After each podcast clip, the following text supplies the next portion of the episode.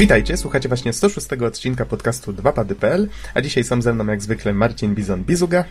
Witam wszystkich słuchaczy. Norbert Geksen-Jarzębowski. Siema. I Bartłomiej Donsot-Tomycyk. Halo, halo. A mówi Adam Noxa 15 Dębski, nagrywamy w niedzielę 7 kwietnia 2013. No panowie, minęły święta, bardzo białe jak na Wielkanoc, przyznacie sami. Nie no, no mieliśmy białe święta, wszystko jest okej, okay, tak? No, jakby na to Nikt nie, nie może narzekać, że nie było śniegu na święta. Jak to, To- zazwyczaj bywa. To jak w tym No, memie, zajączek był smaczny. to jak w tym memie, który krąży, no mówiliście, że chcecie białe święta, ale nie mówiliście, które, no.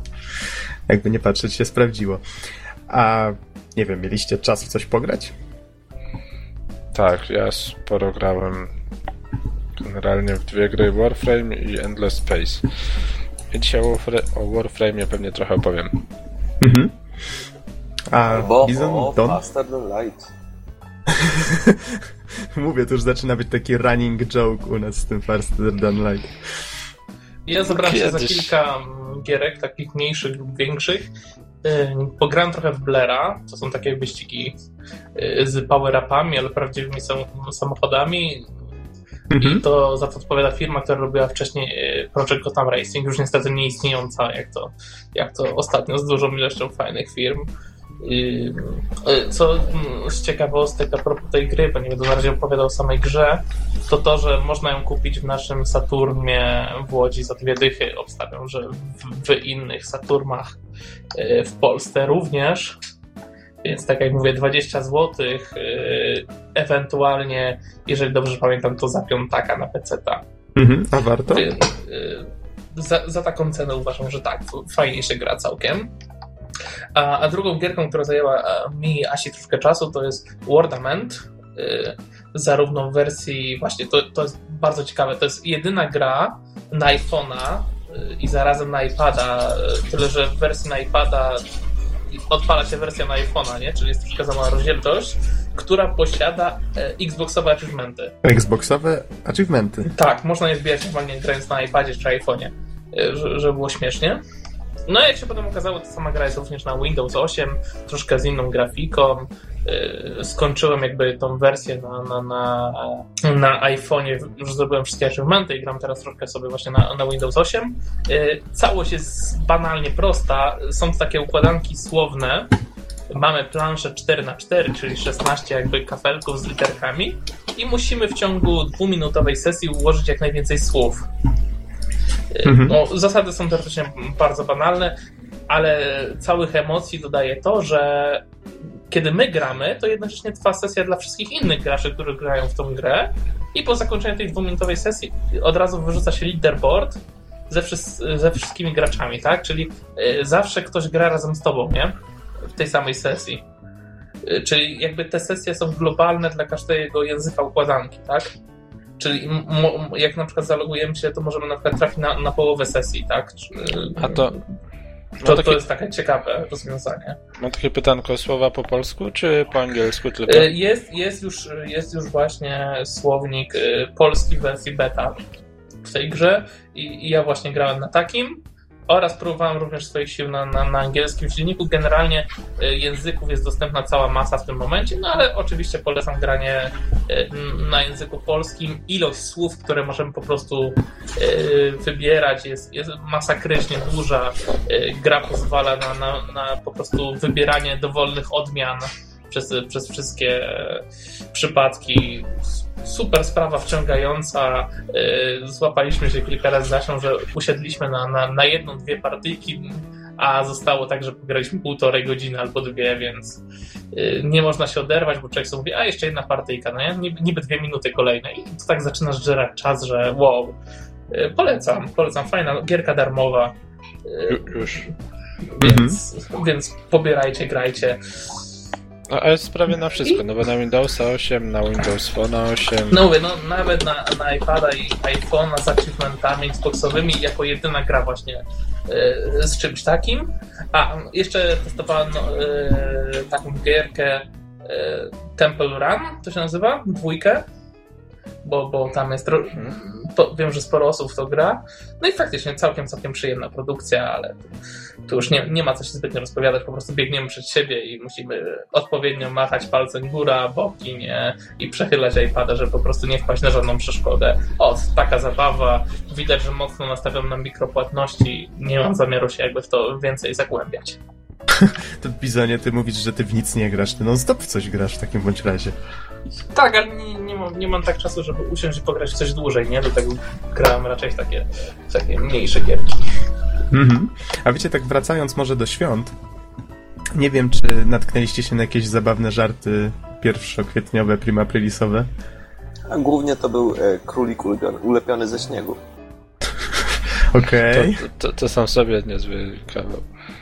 No, ale było tego trochę. No bo Chociażby... to jak zwykle jakieś firmy właśnie, czy tutaj nawet studia tworzące gry robili sobie żarty z, z, z różnych tych kwestii. No nie wiem, Apple też jak zwykle jakiś żart tutaj stworzył. Już patrzę, co to było. A to ty, Bizonie, przede wszystkim powinieneś wiedzieć. iPlay.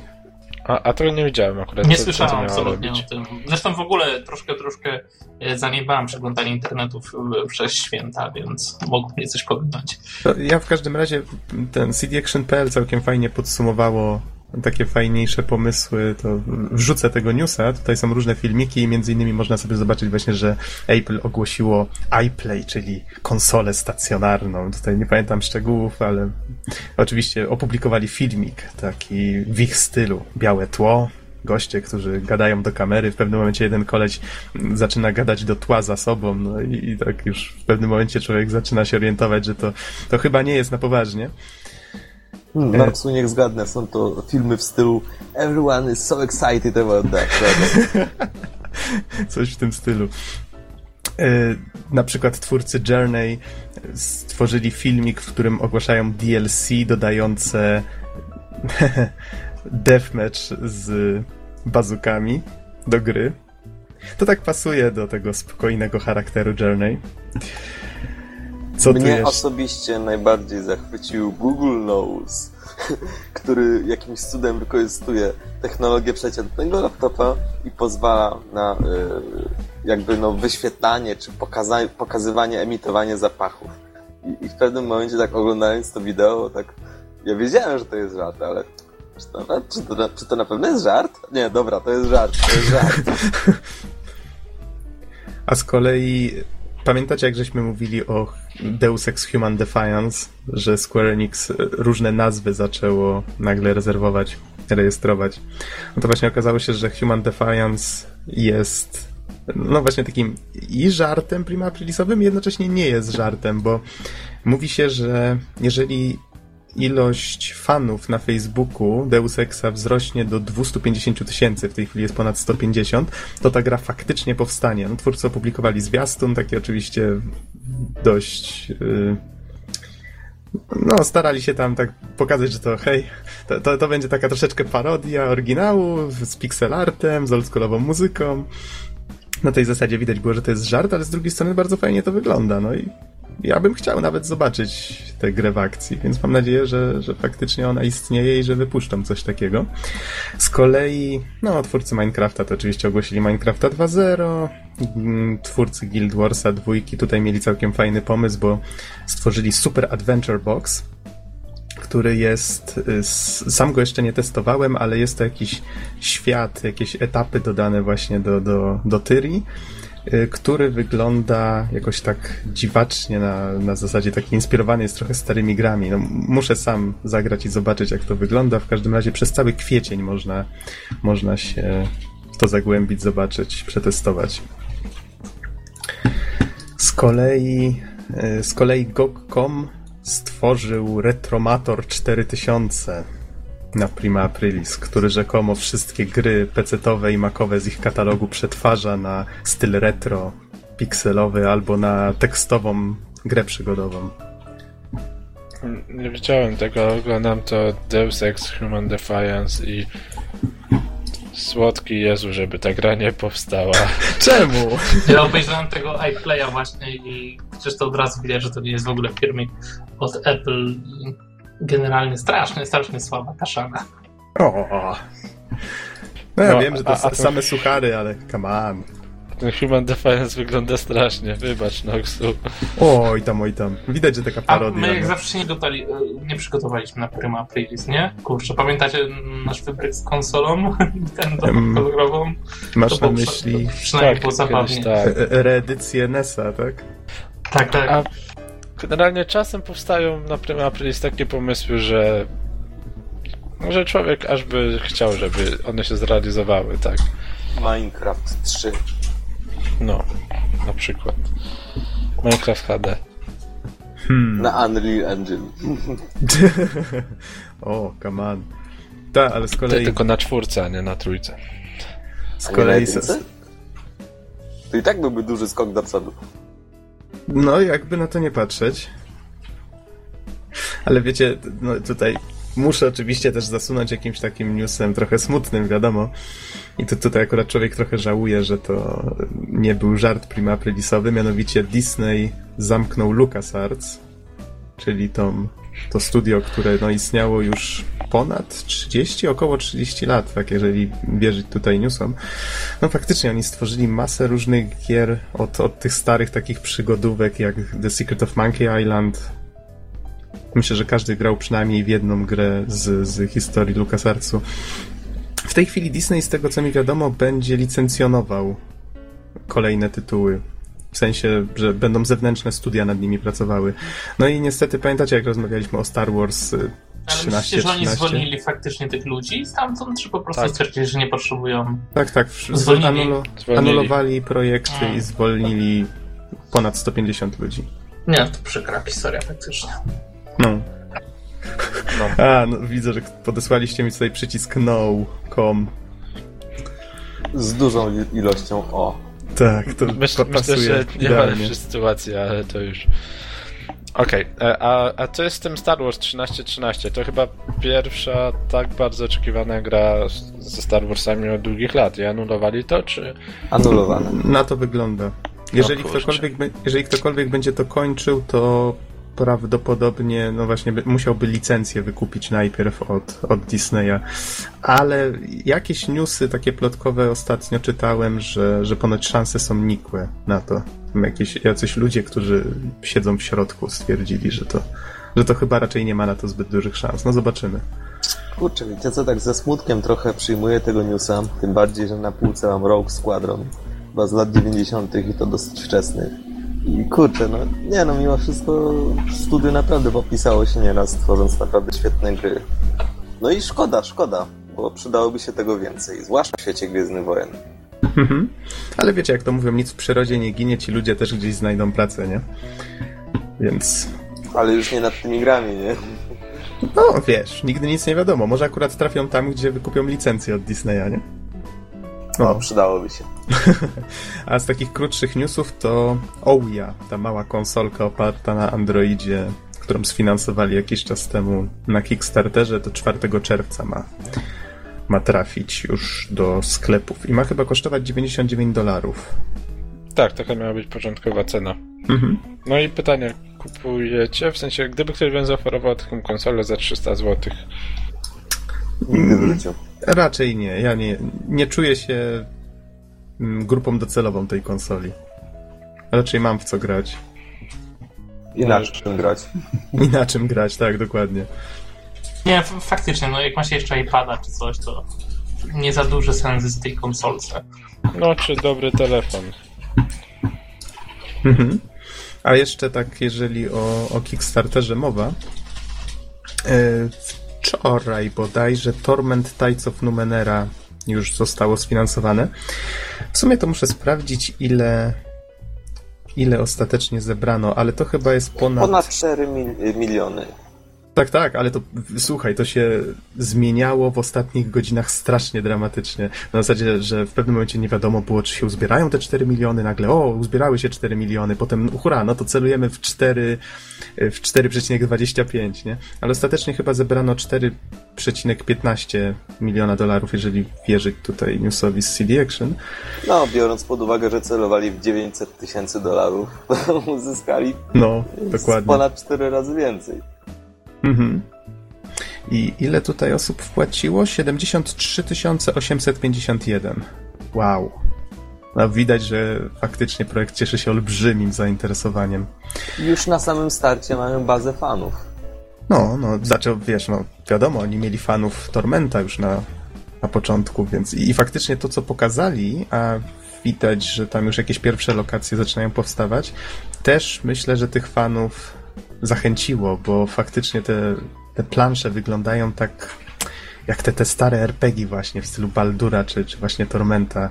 Tak, tak tło wygląda jakby było malowane. No, ciężko to trochę opisać, ale mnie się strasznie spodobało. Ciekaw jestem, jak ta gra będzie działała w akcji. No ale okej, okay, to przejdźmy w takim razie dalej. Fajnie, że to się udało tak sfinansować. Co my tutaj jeszcze mamy z takich dobrych wieści? Na przykład to, że być może Crytek wykupi prawa do serii Darksiders. Początkowo mówili, że nie są pewni, że to nie wpasowuje się w ich strategię, ale wydaje mi się, że jak to było Bizonie? Oni wykupili studio, tak? Vigil Games, które pracowało na... Tak, tak, tych pracowników, którzy pracowali jakby w tym studiu. Mhm, to mnie się wydaje, że to właśnie oni chyba zasugerowali, że bardzo chcieliby pracować właśnie dalej nad tą serią, no bo Krajtek w sumie tam bracia Jerli się wypowiadali, że, że to oni będą mogli pracować nad jakąś nową grą, Oczywiście oni nie będą jakoś tam starali się mocno wpływać, co to za gra ma być. No i widocznie tamci stwierdzili, że bardzo by chcieli kontynuować tą serię. Pojawiły się plotki z wewnątrz studia, że ponoć właśnie Krajtek ma wziąć udział jednak w aukcji, na której Darksiders no to było, będzie. To była bardzo fajna sytuacja, bo no, no. Yy, ostatnio rozmawiałem z Piotrkiem z mojej pracy i oboje się zgadzamy z tym, że Krajtek e, ma coś takiego, że oni faktycznie mają niesamowitą technologię, nie? Natomiast problem jest taki, że oni nie potrafią tego jakoś tak artystycznie wykorzystać. Natomiast y, Darksiders ma taką fajną swoją stylistykę i tak dalej, jakby, y, jakby dali im faktycznie zrobić kolejną część, wykorzystując technologię, którą mają, tak, tak naprawdę, to, to może faktycznie wyszła piękna gra jakaś, tak. To chciałbym to zobaczyć. Mhm. Okay. No zgadzam się to... po części. Mhm. Znaczy, oni, oni, też potrafią, w sensie Crysis jedynka na tych wyspach wyglądał świetnie, ale wyobraźcie sobie Darksidersów z taką realistyczną grafiką.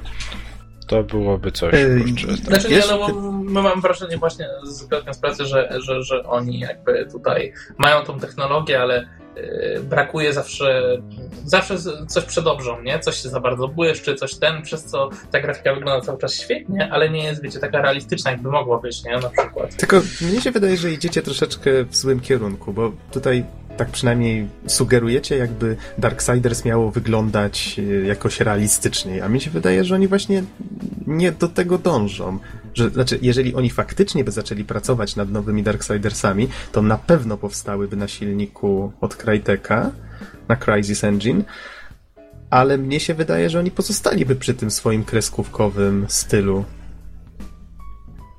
Dlaczego mieliby robić tę grę bardziej realistyczną? Nie no, pewnie, to, pewnie, bo... by, pewnie by zostali, ale jestem właśnie ciekaw, jakby wykorzystali moc silnika, tak? Aha. Właśnie o to chodzi, że Darksiders raczej wyglądali średnio, tak?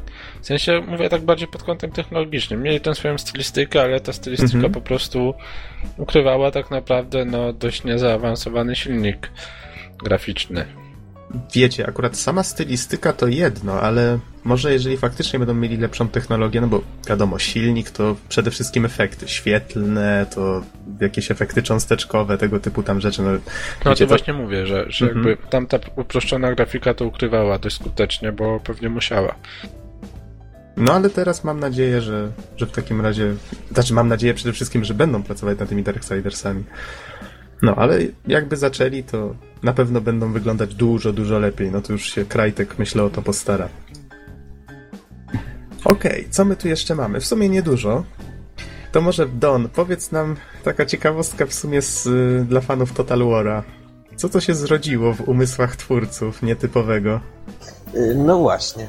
Pierwszą, początkowo krążyły plotki o tym, że Pierwszą grą po Rome 2 Total War będzie e, gra w, w uniwersum Warhammer 40 tysięcy. To mhm. jest oczywiście no, całkiem niezłym i rewolucyjnym pomysłem. Okazało się, że no, jednak złożyło się inaczej i kolejnym tworem e, Total Waru będzie Total War Arena. Arena. E, I otóż będzie to gra z, z takiego rodzaju MOBA, połączenie MMO, RTS, tego typu. To, zresztą ta gra będzie przypominać znane League of Legends. Mhm. Jak to będzie wyglądać? Otóż na pewno będą dwie bazy po przeciwległych rogach i po prostu gracze będą wcielać się, będą kontrolować różnych największych dowódców historycznych, najsławniejszych. Gracze będą kontrolować do dwóch, trzech jednostek i po prostu walczyć zespołowo.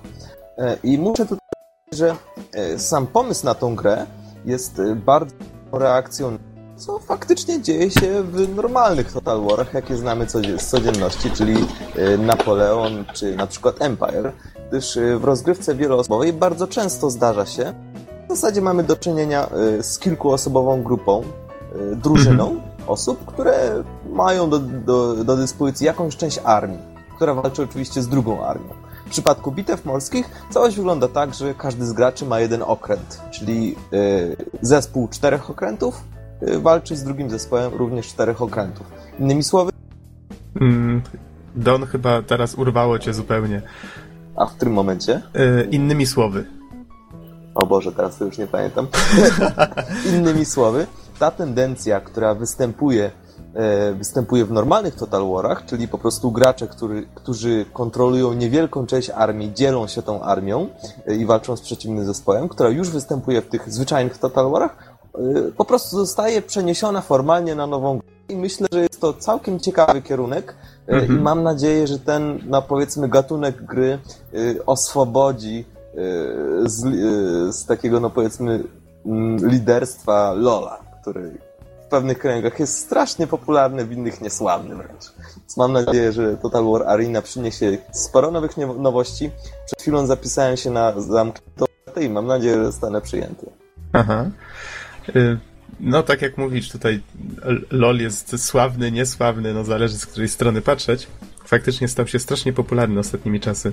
A nie martwisz się trochę, że to spłyci no wiesz, takie strategiczne podejście. Na zasadzie stwórzmy grę, która będzie niby strategią, ale będzie właśnie taką mobą, bo to jest prostszy gatunek, więc teoretycznie więcej osób będzie mogło w niego zagrać. Nie sądzisz, że to ich zniechęci do tworzenia takich bardziej skomplikowanych RTS-ów?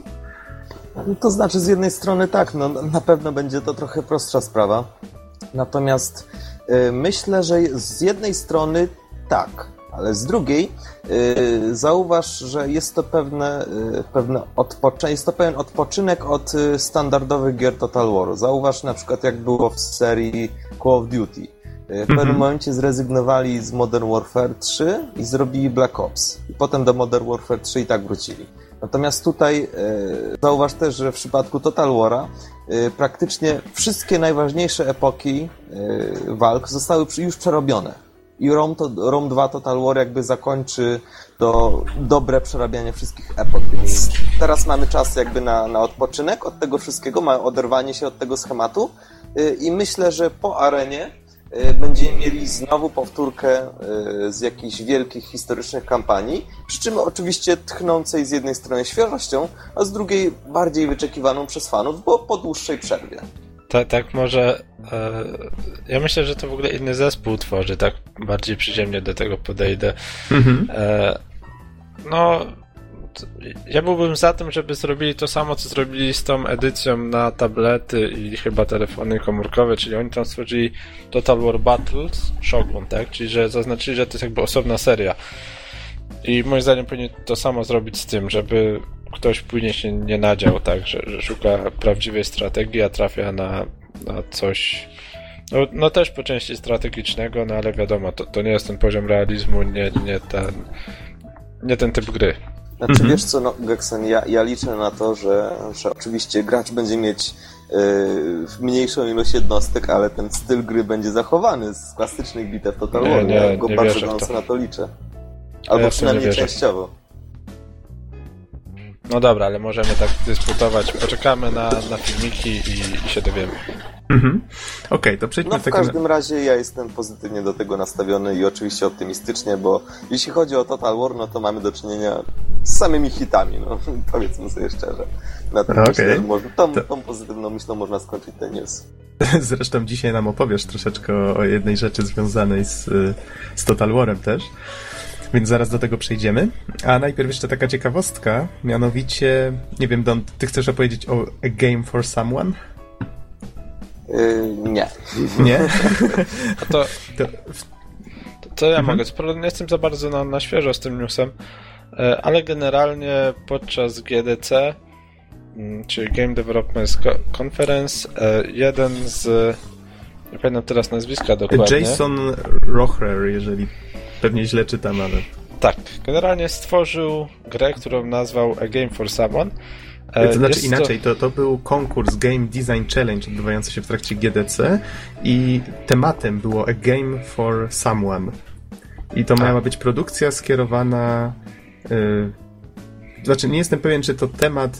Tematem był chyba A Game for Someone, tak? I on przyjął, że to będzie gra dla kogoś, kto będzie żył na naszej planecie za 3000 lat. Chyba, że to ogólnie taki był, y, takie były założenia konkursu, już nie jestem pewien. No, w każdym razie idea polega na tym, że e, gra została zakopana gdzieś na środku jakiejś ogromnej pustyni. W Nevadzie, tak. E, całość została wykonana z tytanu, dodatkowo zamknięta w pojemniku z tytanu. Tam ważyło kilkanaście bodajże łącznie kilo, e, no bo musiało być odpowiednio wytrzymałe. Mm, No i nikt nie wie, jakie są zasady tej gry. Znaczy, chyba tam jedna czy dwie osoby wiedzą. E, No i chodzi jakby o to, że tą grę mają znaleźć dopiero za około 3000 lat i ma być ona właśnie taką grą dla tych ludzi z przyszłości. No właśnie, Mhm. a uściślając, uczestnicy tej konferencji, czyli wszyscy ci, którzy słuchali tego wykładu, prezentacji, y, dostali zalakowane koperty y, z 900, y, z 900 y, z ilością 900 y, miejsc. Y, 900 po prostu lokacji GPS. Każdy z E, nich z osobna tyle dostał, tak? Tak, y, czyli łącznie, y, łącznie tych lokacji wszyscy dostali ponad milion y, i po prostu tam wyliczyli sobie twórcy, że, że sprawdzenie wszystkich przez jedną osobę powinno zająć około miliona dni, czyli ponad 2700 lat. Y, Innymi słowy, to jest y, niezbita gwarancja na to, że za 3000 lat. Mhm. No właśnie, a jeżeli ktoś będzie zainteresowany szczegółami, to zamieszczę newsa pod, pod podcastem. W każdym razie, no, co sądzicie o takim pomyśle gry, w którą. Znaczy, gry, no to właściwie zbiór zasad gry, prawda? Zamknięte w jakiejś puszce, którą ktoś otworzy prawdopodobnie no, za bardzo, bardzo długi czas. Co o tym sądzicie? Znaczy, no, taka ciekawostka, no inaczej tego nie można określić, bo wiesz. Taka sztuka dla sztuki? Trochę tak, no na tej No, zasadzie. no bo nie dodaliśmy, że on wygrał ten konkurs. A, no tak, tak, racja. Czy ja myślę, że, że to jest po prostu ciekawy pomysł na zwycięstwo w konkursie tego typu. No i tyle. Mhm. Yy, no bo, no nie no, to jest po prostu ciekawy pomysł. Skonfrontowanie przyszłości za 3000 lat i jakieś gry, wiadomość do przyszłości, tego typu rzeczy. No i taka sytuacja, no, można powiedzieć, yy, cytując pewnego pana z YouTube. Natomiast Natomiast y, podzielone zdania są także wśród samych użytkowników portalu The Action, na którym pojawił się ten news. Zacy- Mhm. Zacytuję zresztą kilka z nich. Y, Jeden z nich to na przykład, przecież 1 kwietnia dopiero w poniedziałek. Y, Kolejny, ale głupota. Y, A jeszcze inny, chłe, chłe, jutro pewnie trafi na torrent.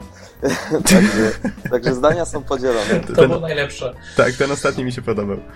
Natomiast, no tak jak wyżej, myślę, myślę, że to jest ciekawy pomysł, taka ciekawostka, ale raczej nie, nie powinno się tego traktować poważnie. To ja, ja tutaj sprostuję, bo oczywiście palnąłem, że tematem konkursu było ostatnia gra ludzkości. Z kolei tytułem gry było A Game for Someone. A, czyli dobrze mówiłem. Tak, To dobrze mówiłeś, to ja, ja zamieszałem. Okej, w takim razie zostawmy już ten, ten ciekawy twór. Myślę, że nasze wnuki, wnuki naszych wnuków. Słucham. Widzieliście twór, który wam teraz wysłałem na, na Skype'ie? E. Widzieliście, że w ogóle coś takiego powstaje? Age of Empires 2 Powstało HD. już. No już powstało, wow. Ja po prostu wow, zdziwiłem się, ja, ja tak lubiłem tą grę. Age of Empires 2 w wersji Tak. HD. A to no, już trafiła na Steama jakiś tydzień, dwa temu, jakoś tak. cudeńko to musi być. No też pamiętam. A w jedynkę się chyba jednak trochę dłużej zagrywałem. Don, Don, grałeś? Y, W dwójeczkę? Oczywiście, że grałem i w jedyneczkę. I nawet w trójkę, ale z, już z niechęcią. No, no, Za, trójkę tak zacne to były gry, ja pamiętam. O Jezus, te ryby się łowiło wszystko. Są takie... Zresztą nawet na, na silniku Age'a dwójki powstała gra o Gwiezdnych Wojnach i autentyczny RTS w uniwersum Gwiezdnych Wojen na silniku Age'a dwójki. To było coś A, ciekawego. był, było coś takiego, jak Battlefront czy coś takiego? Mhm, dokładnie. A, ale są takie gry, którym przejście w trzeci wymiar źle wychodzi. Nie wiem, czy pamiętacie Settlersów, czy pamiętacie właśnie Age of Empires. Można byłoby mnożyć, ale generalnie jakoś tak te gry tracą na przejście Ale, właśnie ale w trzeci oni tutaj wymiar. nie przychodzą w trzeci wymiar Tak, w wiem, wiem. Ale o to, To- mi to chodzi, że, że, właśnie. że dlatego powstała edycja odświeżona. Jeśli ja bym dał za Settlersów takich z ładną taką grafiką, choć w sumie ta, ta stara się nadal nadaje. Tylko chodzi mi o takich dwuwymiarowych, w tej starej, starej stylistyce tak samo. Ja wiem, Kurczę. generalnie jestem mega zwolennikiem tych właśnie gier yy, yy, z tamtych czasów, jeżeli chodzi o tą grafikę 2D, nie? I tak samo yy, pamiętacie ten na pewno yy, Heroesów trójkę, nie? No, To-. Tak, tak. Kurde, po co, po co w ogóle to przenosić w trójwymiar? Wystarczyło po prostu zrobić super fajnie narysowaną grafikę teraz w HD. No nie? właśnie, no, najlepiej ręcznie rysowaną. By, by wyglądało świetnie po prostu, więc ja, ja nie wiem, dla, dlaczego nie. Dlaczego czy robienie tych gier w 3D jest naprawdę łatwiejsze, bo mi się nie wydaje. Znaczy, wiesz co, no, tym, na, na tym konkretnym przykładzie Age'a trójki myślę, że zawiodło przede wszystkim uproszczenie zasad, no i na przykład, no nie wiem, ja byłem bardzo zdziwiony tym, że przeciwnicy y, strzelali po prostu muszkietami przez ściany. Więc jednak mimo wszystko tak, przy tym przy konkretnym przypadku Age'a trójki te dwie rzeczy zawiodły, no takie zbytnie uproszczenie. Nawet w porównaniu do poprzednich części. Ja powiem tak, jeszcze nie grałem w tą edycję HD, pewnie się e, zainteresuję, ale tak jak mówi też Norbert, przydałoby się kilka takich właśnie starszych gier jak Settlersi, e, czy tak jak ja wspominałem o tych Herosach Trójce, wydanych właśnie w HD, to było całkiem fajne. A wiesz, Bizonie, tak teraz, jak zmusiłeś mnie trochę do zastanowienia się nad tym, wydaje mi się, że taki dylemat, czy robić coś w 3D czy 2D, może się też w dużym stopniu opierać na tym, jakimi ludźmi dysponuje studio. Bo jednak nie ukrywajmy, to są zupełnie różne talenty potrzebne. No, Ale wiesz, 3D na, to... na przykład jeżeli chodzi o strategię, to, to w pewnym momencie to po prostu był wymus, bo wszyscy zaczęli robić nagle tę strategię 3D, tak? Z No jakiegoś tak. powodu. Niby To, tak. to, to był po prostu. No w pewnym momencie nastał taki moment i ludzie czuli się zmuszeni na przeskoczenie na to 3D. Ale Tak, skupmy się może w tej chwili na czasach, wiesz, obecnych, współczesnych, że powiedzmy, jak tworzysz grę trójwymiarową, to musisz mieć grafików, którzy stworzą ci modele, mm, a tak musisz mieć na przykład rysowników, którzy stworzą ci właśnie te animowane sprite'y i, i te tła Ale- piękne malowane. No to, to trochę inne, inny rodzaj talentu jest potrzebny, prawda? No, no jest, jasne, jasne. Ale kiedyś mieli tych ludzi, tak? Tak. No, zależy. Ci lepsi odnosili większe sukcesy, nie? Spójrz na to od tej strony, że na StarCrafta jedynkę z 98 bez problemu się dzisiaj patrzy. Znaczy, no, może trochę jest pikseloza, ale generalnie ta gra jeszcze... Ale jest, jest, jest właśnie chyba takiej do tej pirackiej wersji jakaś tam opcja, żeby, e, żeby grać sobie w HD właśnie StarCrafta, nie? Jedynkę. To No, widziałem coś takie takiego różne. u kogoś. mody, no ale w każdym razie można patrzeć na taką grafikę rysowaną nawet po już prawie 15 latach. O Boziu. E, jak ten czas leci? A czym jest panie. 15 lat w stosunku do 3000 lat, co nie? No dobra, ale w każdym razie, gdybyś chciał uruchomić jakąś grę, która była w 3D z 98, o, twoje oczy zaczęłyby krwawić po prostu z bólu. Ej, nawiasem mówiąc, tak wyobraziłem sobie sytuację. Wyobraźcie sobie, że po tych 3000 latach odkrywana jest A Game for Someone. Ktoś naprawdę taki zachwycony, zaaferowany zaczyna ją testować e, i tak po, po trzech minutach co za gówno. A tam Chińczyk. Właśnie. Ja się boję właśnie, że sobie Słuchajcie. pomyślą, co oni za gówno robili wtedy, nie? A właśnie, tak, jeszcze e, ten, to oni jeszcze wtedy robili gry tekstowe, ale oni byli mało rozwinięci, nie? Właśnie, słuchajcie, myślicie, że nasi, mm, pra, to nie wiem, czy się mówi pra, pra, pra, pra, prawnukowie, tak, będą nagrywać podcast o A Game for Someone? Bezpada.pl Bez pada. To z czym jak bez pada? To już nie, nie będzie takich rzeczy, to będziesz myślami starych sterował. Z hydrokontrolerem pewnie. Wow. Dobrze, ostatni news, panowie, bo czas nas goni. Bizonie, co tam z nowymi Xboxami się dzieje na internetach? No, niby nie za dużo, poza tym, że ostatnio troszkę był taki temat dość niefajnie rozpoczęty na Twitterze. Jeden z pracowników e, jakby wypowiedział się na temat tego, że nowy Xbox będzie potrzebował e, cały czas podłączenia do internetu. Teoretycznie, tak? Nie, nie wiadomo, czy to jest potwierdzona plotka. No i ludzie, jak to wiadomo, burzą się nie? na takie sytuacje, bo no bo nie zawsze da się, wiecie, podłączyć konsolę do internetu, grać, czasem zabieracie ją gdzieś ze sobą, gdzie nie ma internetu. No, no różne są sytuacje, prawda? Mhm. A jakby ten pracownik Microsoftu pewnie już były, ze względu na to, co powiedział, stwierdził, ale po co w ogóle mieszkać w takim miejscu, gdzie nie ma internetu, nie? I generalnie e, zlał trochę e, ludzi. I myślę, że to nie była najlepsza decyzja w jego życiu. Nie, no bo prawda jest taka, że, że myślę, że w bardzo wielu miejscach naprawdę jest problem, że podłączyć konsolę na stałe do internetu. I Nie no, ja, ja się sam nie dziwię. No. Ja, ja często zabieram konsolę na działkę, na przykład mojego Xboxa e, latem i tam nie mam neta, nie? A, a lubię sobie na niej pograć. No właśnie o- o to chodzi, to, to chciałem powiedzieć, że idzie lato, tak, ludzie będą gdzieś wyjeżdżać sobie na działki, siedzieć tam po czasem tydzień, dwa czy coś, no i wtedy fajnie mieć konsolę. Poza tym, no jak ktoś mieszka na wsi, a nie w mieście, to tam nie ukrywajmy, często internet rozłącza. No nie ma takiej wysokiej jakości połączenia i tak dalej, więc no jednak jednak to może się okazać grubym, grubym błędem ze strony Microsoftu, że o ile naprawdę będą wymagać stałego połączenia z internetem. Mhm. Ja myślę, że tylko do niektórych funkcji to by był strzał w stopę. To nie są jeszcze czasy na takie rzeczy, tak? Mówmy szczerze, on- oni przecież tak naprawdę chyba zdają sobie sprawę, jak wygląda rynek i gdzie też chcą sprzedawać tą konsolę. Oni chcą ją sprzedać na cały świat, tak? A nie, nie wszędzie jednak infrastruktura sieciowa jest aż tak zaawansowana. Mhm. No, miejmy tylko taką nadzieję, że, że taką decyzję podejmą. Dobra, to pod podcast jeszcze wrzucę w takim razie zwiastun Tifa 4, który ukazał się 1 kwietnia, ale jest jak najbardziej prawdziwy i fajny.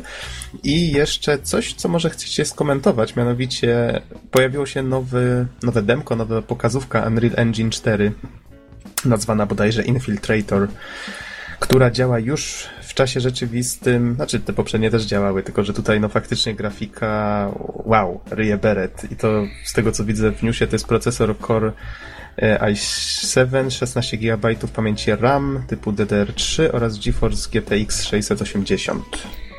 Znaczy, mogę powiedzieć tyle, że wygląda to jak render, tak? Ciężko Mhm. sobie wyobrazić, żeby to działało w czasie rzeczywistym z jednej strony. E, Z drugiej Faktycznie strony, wygląda graficznie jak na przykład takie intro do StarCrafta ostatniego, nie? Jak film animowany w kinie. tak, No Super. dokładnie. no mniej więcej na tym poziomie.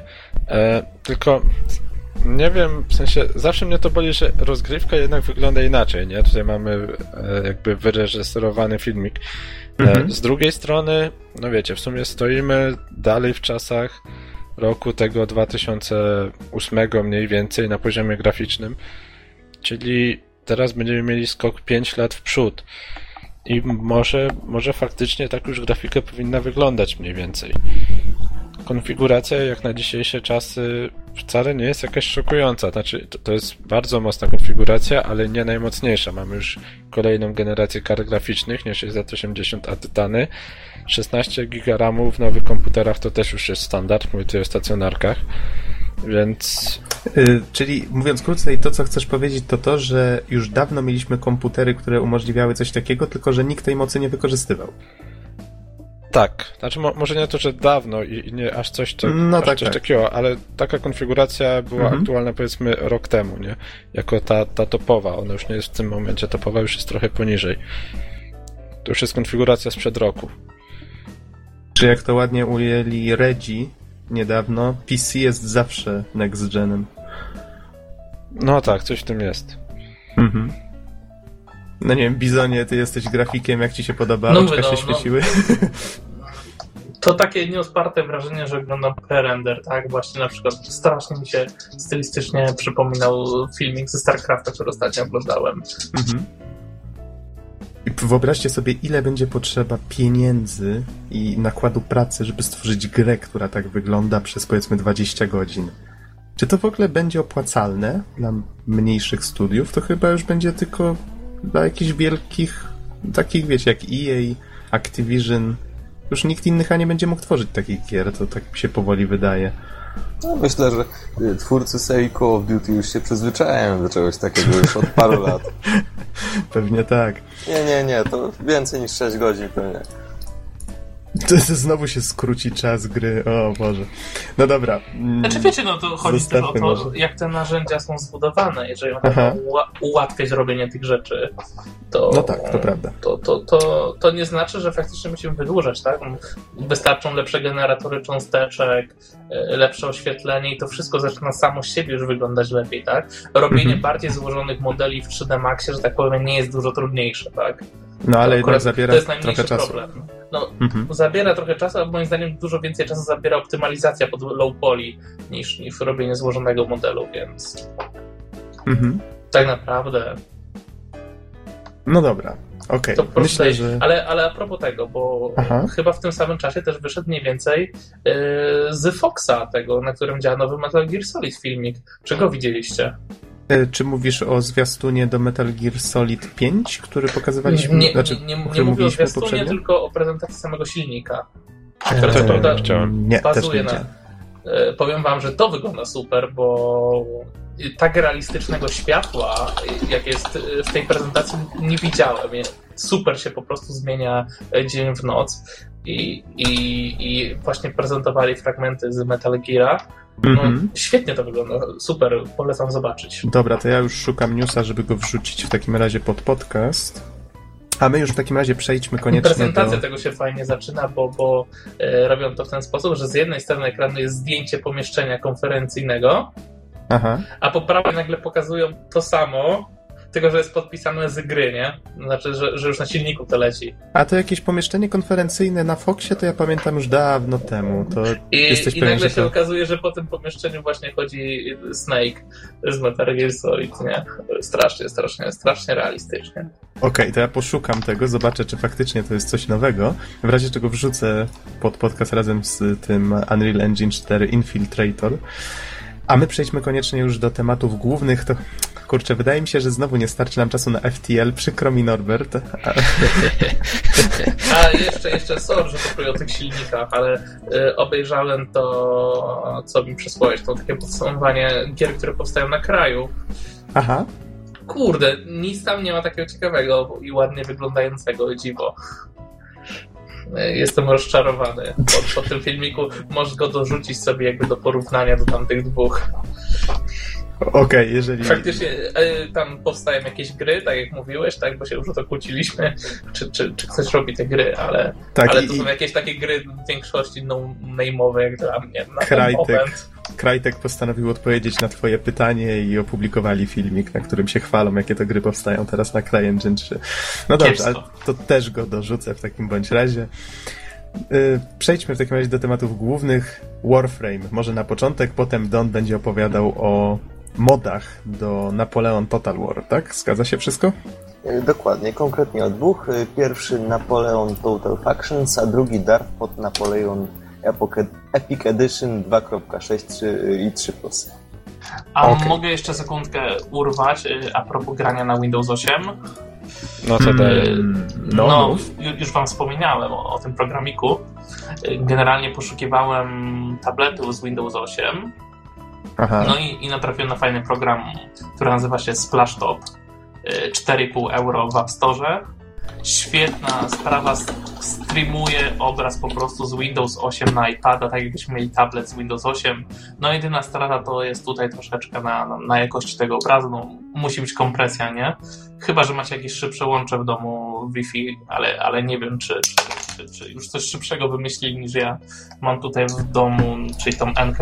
Jeżeli coś jest, to mnie poprawcie. Y, Ale generalnie jeżeli ktoś chce tylko do tych, że pograć w te niektóre gierki z Windows 8 na tablecie, to jest to super rozwiązanie. Super rozwiązanie, naprawdę działa fajnie. Mhm. Okej. Y, Rozumiem, że to tyle, jeżeli chodzi o Splash, splash Top, tak? Tak to się nazywa. Tak, tak, no, no, chyba tyle. No to jest jakaś ciekawostka, ale, polecasz, ale tak? naprawdę rozwiązała moją sprawę z zakupem tabletu nowego. Po Ciekawostka. prostu i bez problemu działa mi na moim pierwszym iPadzie, tak, pierwszej Mhm. generacji. W sumie taka fajna ciekawostka. Dobra, ale czas nas goni. Ja tutaj już ue, tak patrzę na zegarek. Y, Norbert, chciałeś wspomnieć trochę o Warframe'ie. To może powiedz, co to jest, kiedy się ukazało i tak dalej. Czy nie masz takich informacji? E, znaczy, na blachę nie znam. Gra jest obecnie w fazie beta, a jest darmową strzelanką koopową. Tak, stworzoną Tak, przez wielkim skrócie. Digital, Digital, Digital Extremes y, na Windowsa. To, w sumie... między innymi Darkness dwójki. Aha, czy to studio nie jest przypadkiem własnością Microsoftu? Nie wiem. Zaraz sprawdzę. E, każdym razie ma się ukazać w 2013. No ale to powiedz w takim razie, czym ta gra jest, co tam ciekawego się w niej dzieje. Okej, więc czym jest ta gra? Ta gra jest. E... Dobra, tutaj polecę, uwaga. ta gra jest symulatorem ninja w przyszłości. E... Nie no, oczywiście nie jest symulatorem, ale generalnie za co ją pokochałem? No może nie pokochałem, ale dlaczego spędziłem w niej już 8 godzin? Mianowicie wyobraźcie sobie w przyszłości sytuację, gdzie e, była tam jakaś wojna i jacyś wojownicy w, w takich zbrojach nazywanych właśnie Warframe zostali uśpieni i teraz ponownie muszą się obudzić, bo galaktyka jest opanowana przez kogoś tam złego, tak?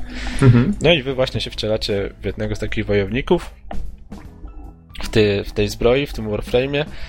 Mm, No i jesteście takim właśnie kosmicznym ninja w przyszłości i daje to wam taką możliwość, że grając tą grę zdarzają się takie sytuacje, że nie wiem, biegniecie na przykład po ścianie strzelając, po czym lądujecie na ziemi po tym e, biegnięciu po ścianie, podbiegacie do jakiegoś kolesia i przecinacie go kataną na pół. E, czyli dzieją się tutaj naprawdę kosmiczne akcje. E, gra się broni głównie gameplayem, no bo jak słyszeliście, fabuła nie jest zbyt złożona i specjalnie się nie rozwija z tego, co na razie Na co grałem. jest ta gra w ogóle? Na Słucham? PC. Na PC-ta. Na PC, ta, Steam, tak i tak dalej. Tak, darmówka. No. Trzeba się tylko stworzyć konto.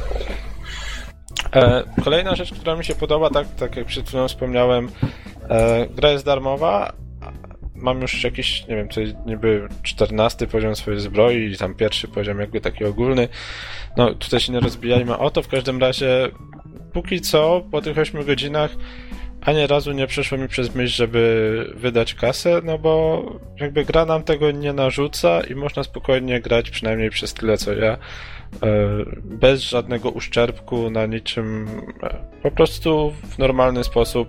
Czyli osoby, które miały zmusić się do wydania kasy, jednym słowem skrzeniły sprawę.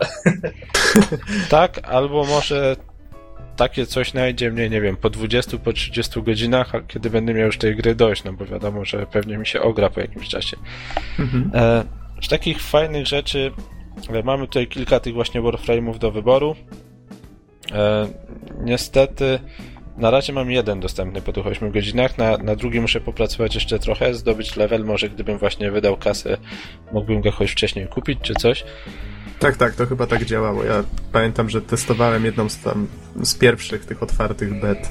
Mhm, ale jest kilka darmowych y, tych Warframe'ów, gdzie możesz sobie po prostu nabić level i w ten sposób je odsłonić. Tak, póki co gram tym jednym, nie narzekam. E, one się od siebie różnią głównie zestawem umie- umiejętności, e, ale to, co jest fajne, że nawet jeżeli się różnią zestawem umiejętności, to i tak cały czas się rozwijacie. Nie to, że stoicie w miejscu, tylko jakby wasza zbroja leveluje, każda wasza broń leveluje e, i dzięki temu możecie do nich wrzucać odpowiednie karty, a karty zwiększają obrażenia, dodają umiejętności specjalne, e, nie wiem, zwiększają szybkość przeładowania, zwiększają nam ilość e, tarczy. Dodatkowo te karty także możemy levelować, czyli jeszcze bardziej wzmacniać na przykład naszą tarczę, jeszcze większe obrażenia zadawać, czyli Mhm. tak personalizować naszego tego wojownika pod siebie. No tak, możemy także zmieniać sobie katanę, ją też odpowiednio tam modyfikować. Później widziałem, że są jakieś podwójne katanki i tak dalej, i tak dalej. Mhm.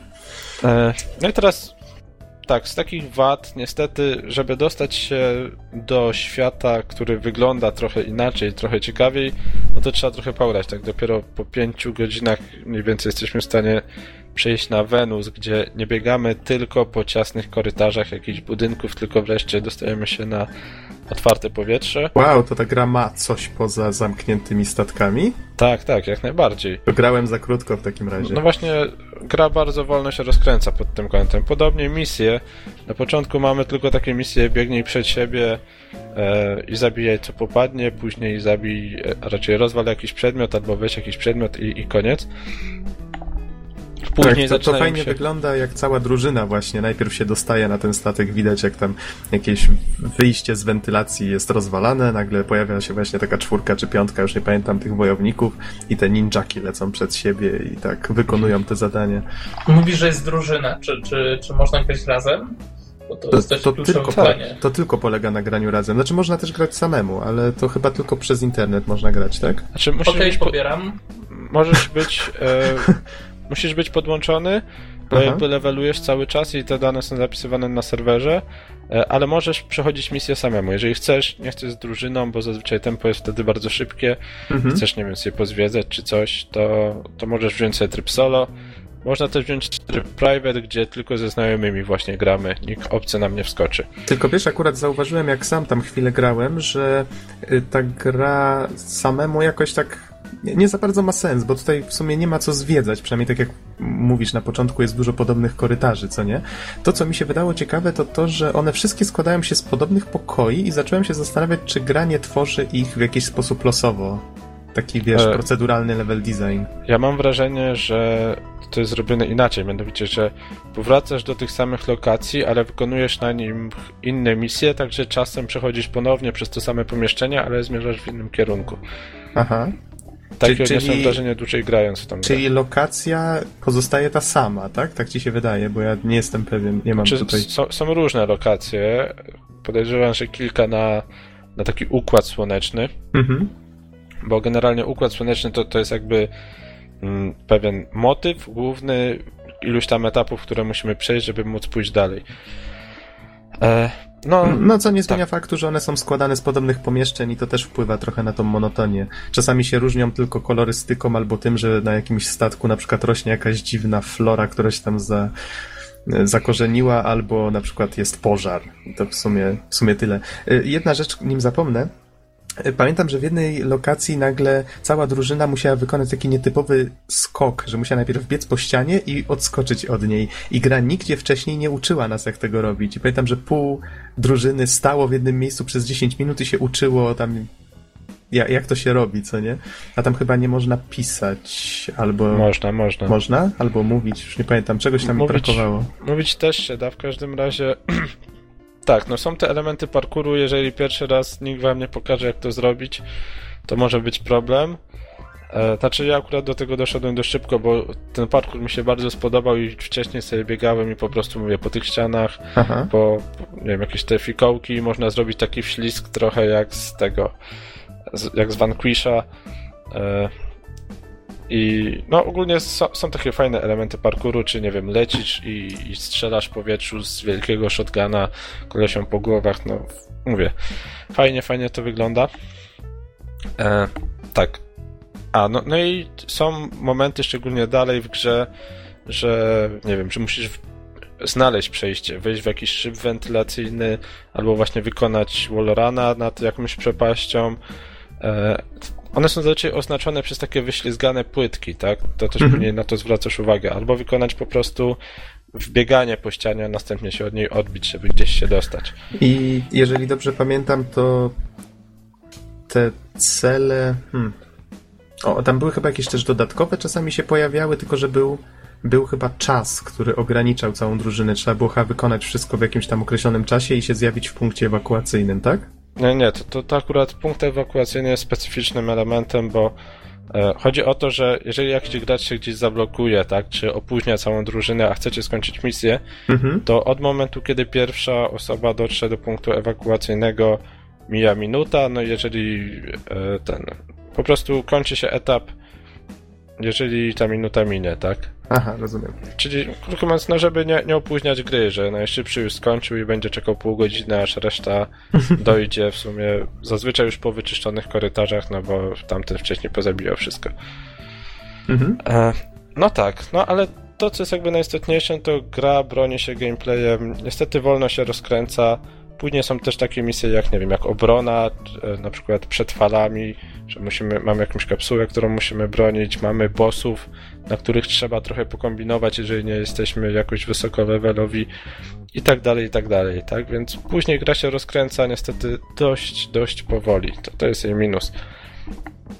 E, ale te, też jeżeli się szybko pokopujemy w tym systemie kart, tego, że te karty mogą też levelować same z siebie, to jesteśmy w stanie się dość szybko wzmocnić i, i ruszyć dalej na te podboje, zamiast siedzieć w miejscu i po prostu expić tak bez Coś mi się, sensu.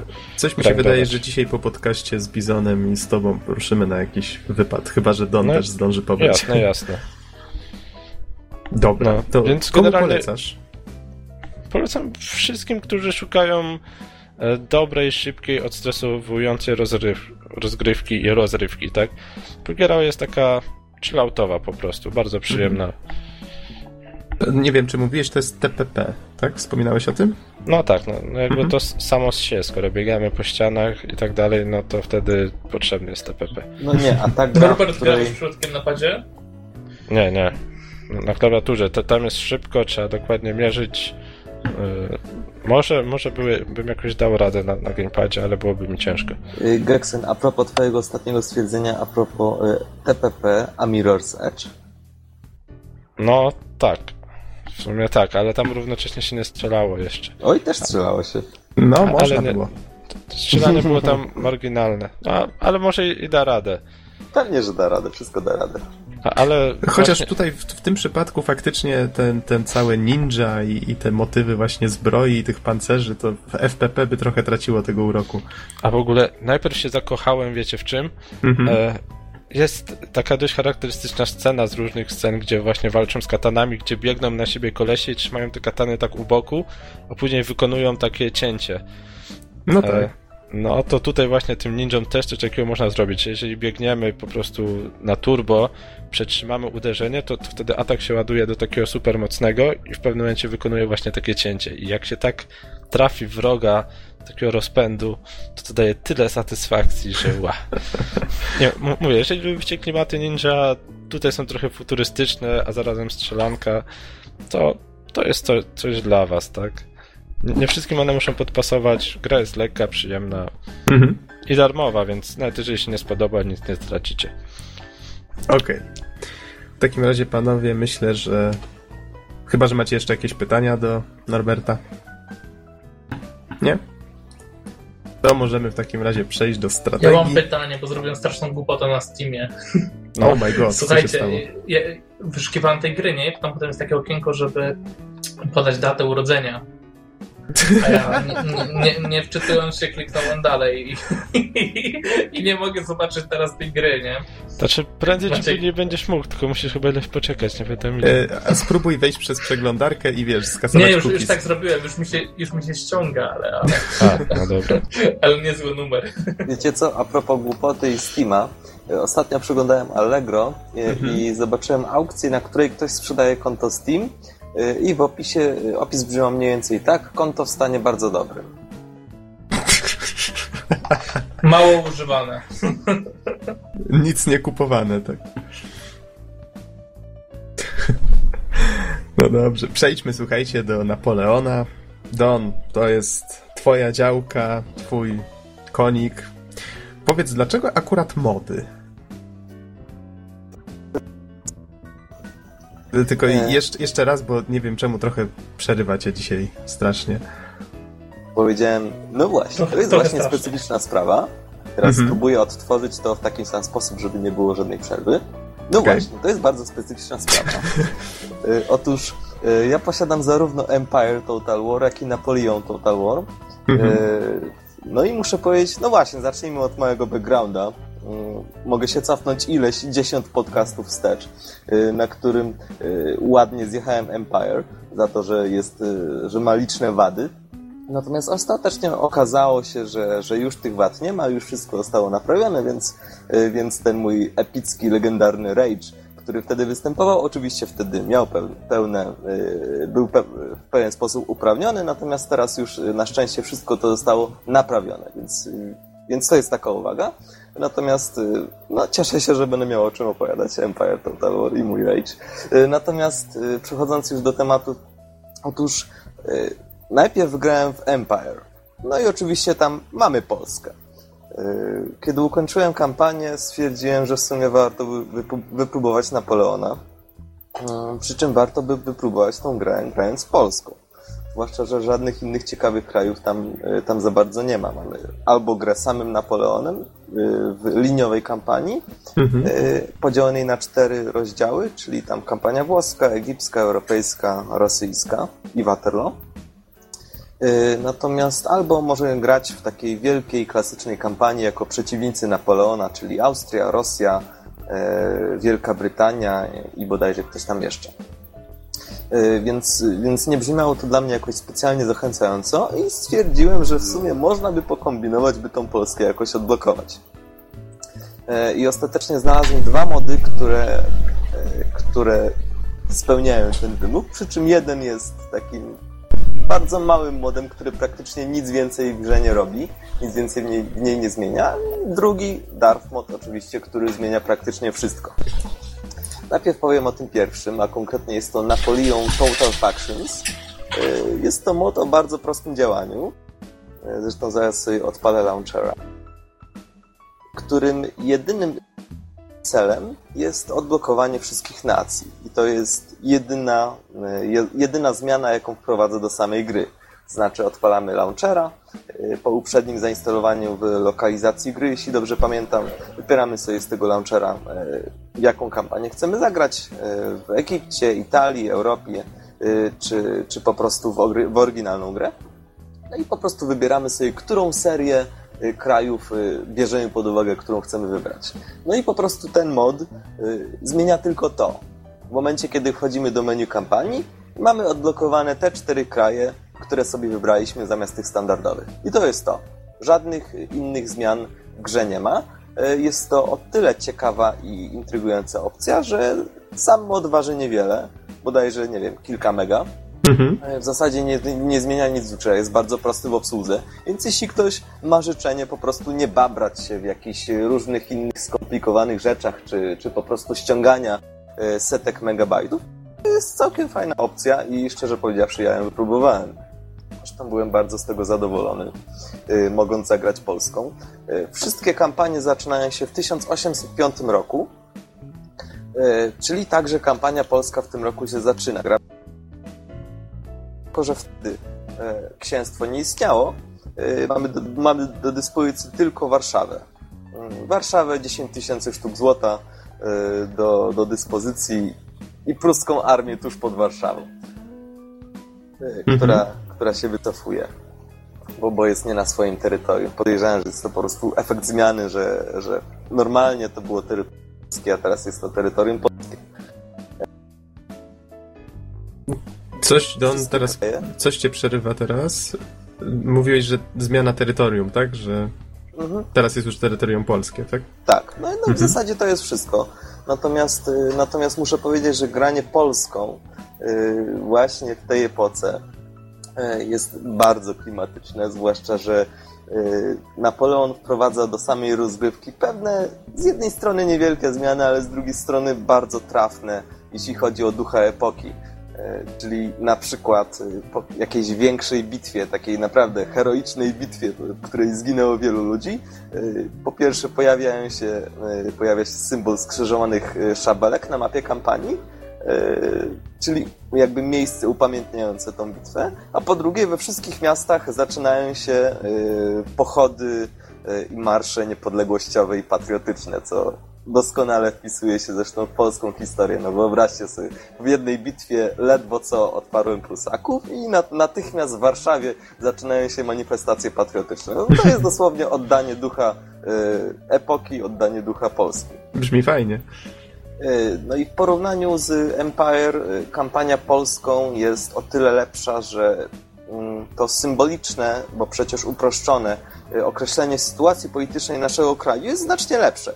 Znaczy w Empire mieliśmy sytuację taką, że Prusy nas nienawidziły, Austria nas nienawidziły, ale e, nienawidziły, ale Rosja nas kochała. Głównie dlatego, że myśmy wtedy mieli z nią ten, e, ten pakt o przyjaźni i byliśmy niemalże protektoratem Rosji, ale była to sprawa na papierze. Tak naprawdę Rosja też w każdej chwili mogłaby na nas napaść i, i zająć te terytoria.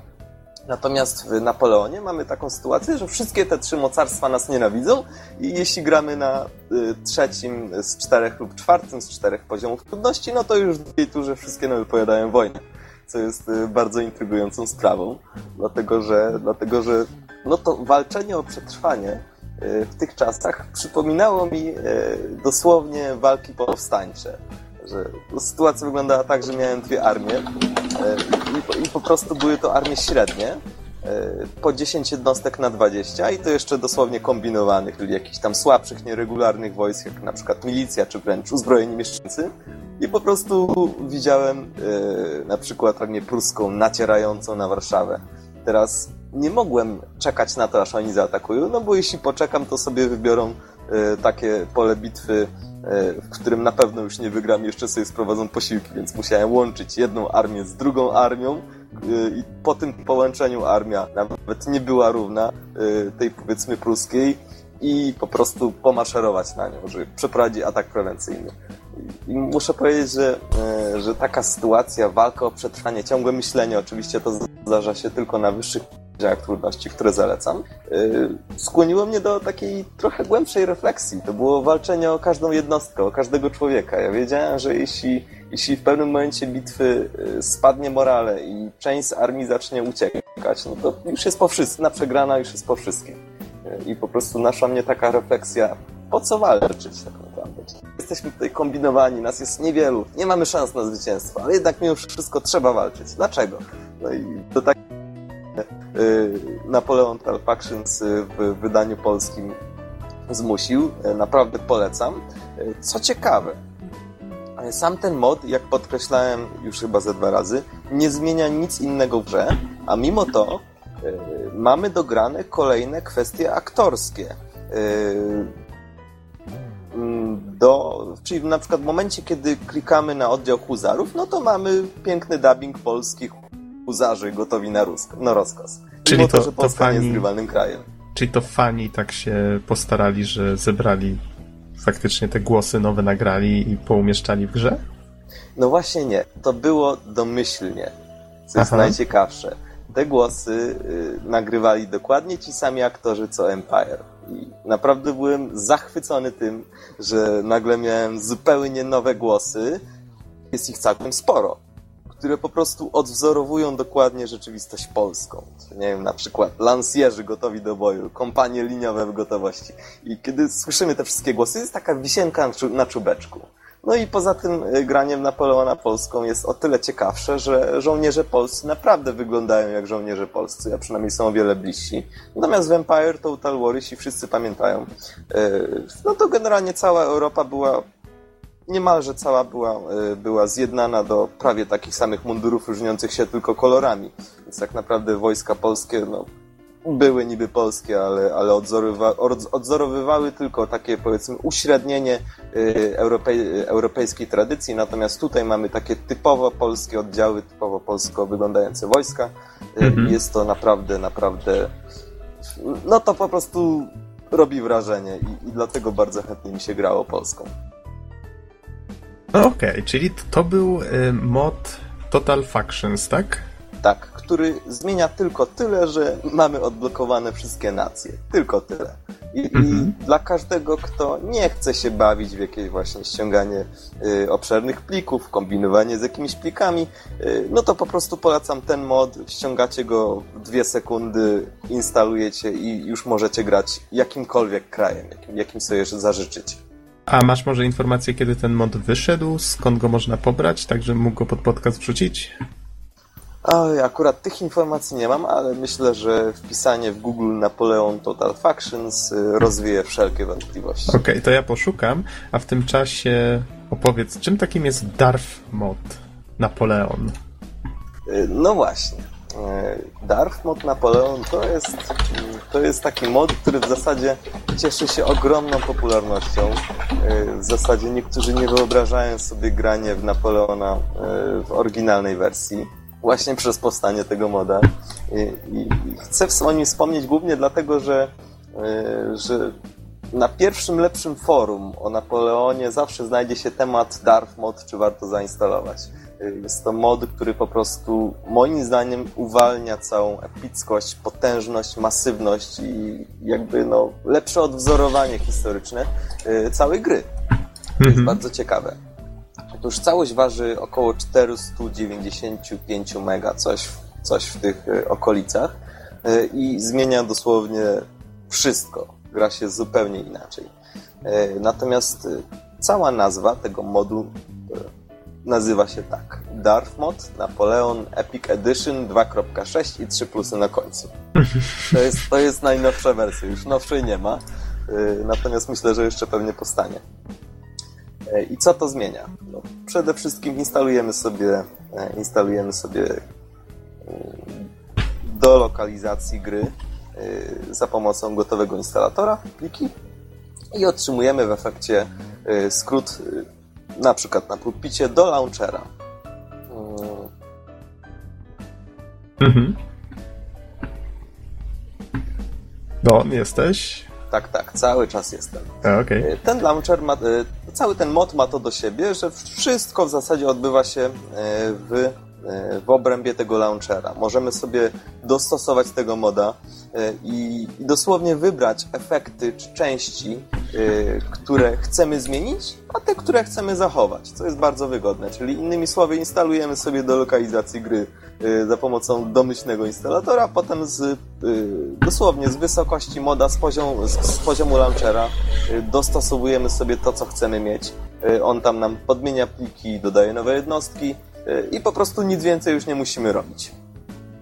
Więc, więc jest to bardzo, e, bardzo wygodne rozwiązanie, nawet, e, nawet e, dla tych, którzy nie są, nie, są, mm, nie są zaznajomieni z modami, z kombinowaniem z plikami, a przecież jak wiemy, mody mają to do siebie, że bardzo często trzeba kombinować, żeby je uruchomić. Natomiast co prowadza Darth Mod, już tak konkretnie mówiąc? Przede wszystkim też mamy wszystkie nacje odblokowane i to nawet w sposób jeszcze lepszy, bo, bo po prostu po uruchomieniu mamy ileś tam chyba ze 30 nacji do wyboru, natomiast nie musimy z poziomu launchera wybierać tych czterech do wyboru, których potem będziemy, musieli, będziemy mogli wybrać. Y, natomiast jedną, y, jedną z takich najbardziej sławnych y, modyfikacji jest to, że armie mogą, mogą posiadać do 40 jednostek. Teraz, dlaczego jest to taka e, fascynująca modyfikacja? Otóż przede wszystkim e, Total War miał to do siebie, że Wprawdzie mieliśmy te wszystkie no, historyczne, wręcz epickie bitwy, trzeba przyznać, ale zawsze wydawało się, że bitwy są to, te są takie no trochę miniaturowe, są w bardzo małej skali. Yy, czyli... No, no, no, może tak yy, sprostuję przerwę. No, taka bitwa tam potrafiła mieć około 4000 jednostek naraz na ekranie. Y, to znaczy 4000 tak, ale 4000 i swoich, i nieprzyjaciela. Tak, tak. Czyli. Don, nie słychać cię. Średnia armia zawierała około półtora tysiąca ludzi do dwóch, chociaż, chociaż to było już takie naprawdę wymaksowanie danej armii. Mhm. Natomiast tutaj w, w trybie do 20 jednostek mamy do czynienia z około 5 tysiącami lub 6, 6 tysiącami ludzi.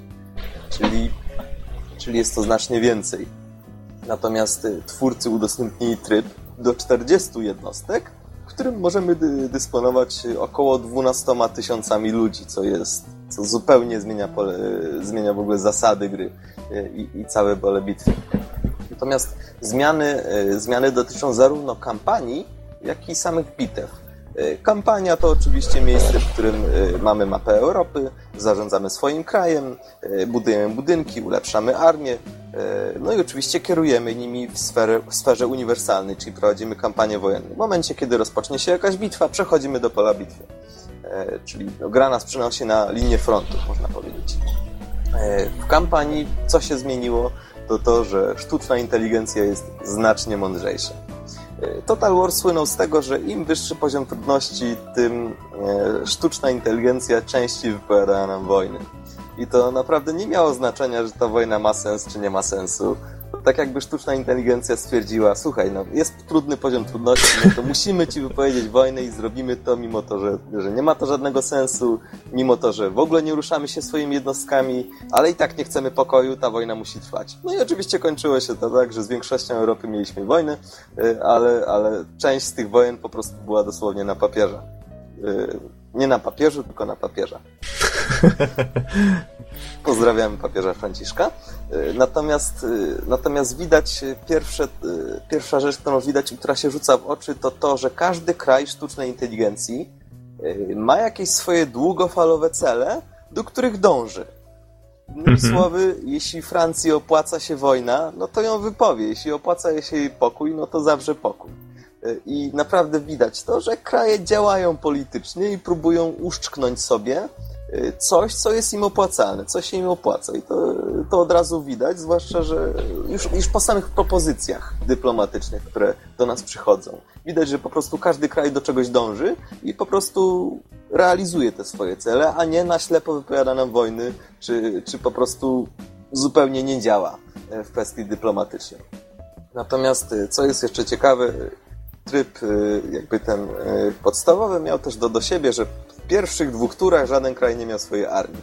No głównie dlatego, że sztuczna inteligencja, w przeciwieństwie do graczy, nigdy nie śpieszyła się z ich budowaniem. Natomiast kiedy zacząłem y, grę na wysokim poziomie trudności kampanii, okazało się, że już w drugiej turze, właśnie jak grałem w Polską, Prusy poprowadziły trzy pełne armie właśnie na mnie, prosto na Warszawę.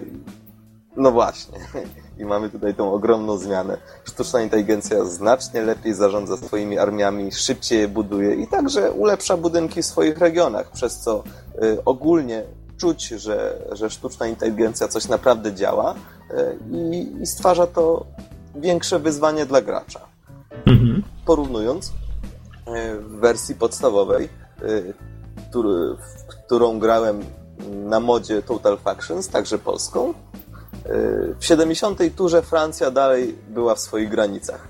Natomiast na takim samym poziomie trudności y, już w 30. turze Francja dokopała się do Prus, po prostu realizując swoje cele, co było bardzo ciekawe. Y, Czyli tak, mamy armię do 400 jednostek. Y, Co fajna rzecz, y, twórcy dodali 191 nowych jednostek lądowych i około 20-30 jednostek morskich, y, czyli zupełnie rewoluc- rewolucjoniz- y, rewolucjonizując y, starą, y, no tą tradycyjną, tradycyjną ilość jednostek, Mhm. także dla Polski. Natomiast przechodząc do samej bitwy, tutaj mamy bardzo dużo zmian. Przede wszystkim zmieniły się efekty wizualne i dźwiękowe.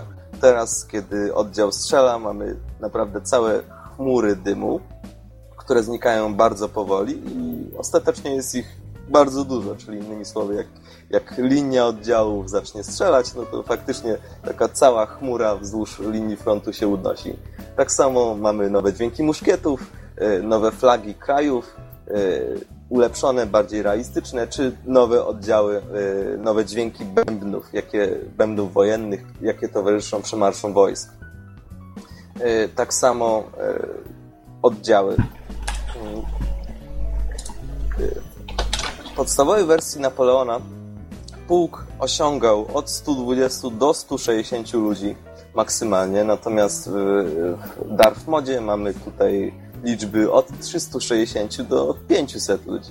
I całość wygląda w ten sposób, że, że po prostu no, podstawowa wersja e, podstawową wersję gra się trochę jak w arcade'ówkę. To znaczy oddziały są małe, y, poruszają się bardzo szybko, y, różnice w zasięgach są bardzo duże, no i generalnie rzecz biorąc, no jest to taki trochę arcade up- uproszczony. Natomiast w przypadku Darth Moda y, dowodzimy naprawdę całymi masami ludzkimi, które trzeba po prostu mądrze rozdysponować, bo, bo przeniesienie powiedzmy 500 ludzi z, powiedzmy na przykład na 500 metrów w lewo, no wymaga już y, o wiele większych umiejętności, dlatego że no, trzeba uważać, żeby ludzie nie strzelali przez siebie i tak dalej, i tak dalej. Jest to bardzo y, ważne. Oczywiście mamy nowe y, wyważenie jednostek, no i wiele innych różnych ciekawych gameplayowych rozwiązań, na przykład jednostki domyślnie strzelają szeregami, czyli tak jak to znamy z filmów, z różnych animacji czy symulacji,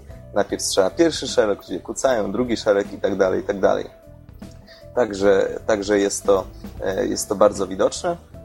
Tym samym zmienia się całe pole bitwy. Mamy do 40 jednostek, po, 300, e, po 360 ludzi, do 500 nawet. E, więc możemy dowodzić jednocześnie nawet 12 tysiącami ludzi i jest to naprawdę epickie. Ku mojemu zdziwieniu komputer, nawet starszy, radził sobie z tym całkiem dobrze. Więc, więc optymalizacja też jest świetna. Natomiast mhm. taka ciekawostka, twórcy y, prezentując swoje efekty wizualne, na przykład dym, y, stwierdzili, że słuchajcie, jeśli gdziekolwiek zobaczycie lepszy dym bitewny niż u nas, to wyślijcie do nas to, a my poprawimy swój. no proszę. Właśnie, Don, tak mi się nasunęło. Ja już dokładnie nie pamiętam tej twojej recenzji e, Total Warów, ale czy Napoleon był właśnie tym, któremu najbardziej się oberwało? Y, nie, oberwało się Empire. Głównie Aha. dlatego, że wtedy było dosyć niedopracowane. Natomiast już w Napoleonie yy, wszystkie błędy, które założyłem w Empire, były już poprawione. Mhm. Potem w Empire też zostały poprawione. Bo tutaj wymieniasz bardzo dużo rzeczy, które ten mod poprawia tutaj właśnie z gameplayem, z wyglądem, z, z AI. I tak się zastanawiam, dlaczego tego wszystkiego nie było w normalnej wersji. Czy ta gra, rozumiem, nie była wcale zła, tylko po prostu teraz jest jeszcze lepsza, tak? Dzięki temu modowi. Dokładnie, ona wcale nie była zła, ona była świetna i nadal jest świetna. Natomiast Aha. myślę, że Dark Mod uwalnia w niej to, co jest naprawdę epickie, czyli na poziomie kampanii wszystkie kraje mają swoje cele. I faktycznie y, z tego, co y, w, w, w dzienniku zmian y, dla niektórych krajów sztuczna zupełnie to... osobno to trochę cię przerywa. Czyli powtórzę, z tego co widziałem w mhm. dzienniku zmian deweloperów, dla niektórych krajów sztuczna inteligencja jest pisana wręcz osobno. Na przykład znamy Napoleona z tego, że on miał bardzo dużo artylerii w swojej armii. Na przykład pod Waterloo miał prawie 300 armat. E, I ku mojemu zdziwieniu e, w Darth Modzie Napoleon armie napoleońskie mają bardzo dużo artylerii. Mhm. Czyli nawet aż takie pewne rzeczy zostały odzorowane. E, oczywiście także e, sztuczna inteligencja zarządzająca swoim krajem, prowadząca kampanie wojenne i wyczuwająca pewien moment, kiedy zaatakować, e, jest znacznie lepsza. Natomiast w czasie bitew także widać pewne zmiany i widać to, że sztuczna inteligencja naprawdę próbuje nas czasem podejść. Także to jest, to jest naprawdę porządku rzecz i, i, cieszę się, że takie zmiany zostały wprowadzone. Natomiast muszę jednak powiedzieć, że na najwyższym poziomie trudności bitew, e, kiedy mamy do czynienia z mm, powiedzmy wymaksowaną armią polską i wymaksowaną armią francuską naprzeciwko, to jednak mimo wszystko e, na 60% wiem, a nawet na więcej procent, że wygram. Po prostu inteligencja mimo wszystko wykorzystuje pewne schematy, których e, które gracz może przewidzieć. No, no, no, i oczywiście jednak mimo wszystko e, przegrana wchodzi w grę, kiedy, kiedy mam naprawdę niewielkie szanse. Osobiście wygrałem jedną bitwę, e, bardzo spektakularną zresztą i wycię, armię, w której zostało mi przepowiedziane na samym początku 30% szans. Aha. A powiedz mi, czy to wpływają te mody w jakiś sposób, znaczy no, ten w szczególności, bo właśnie, czy opłaca się instalować oba, skoro ten też dodaje wszystkie frakcje? Yy, nie.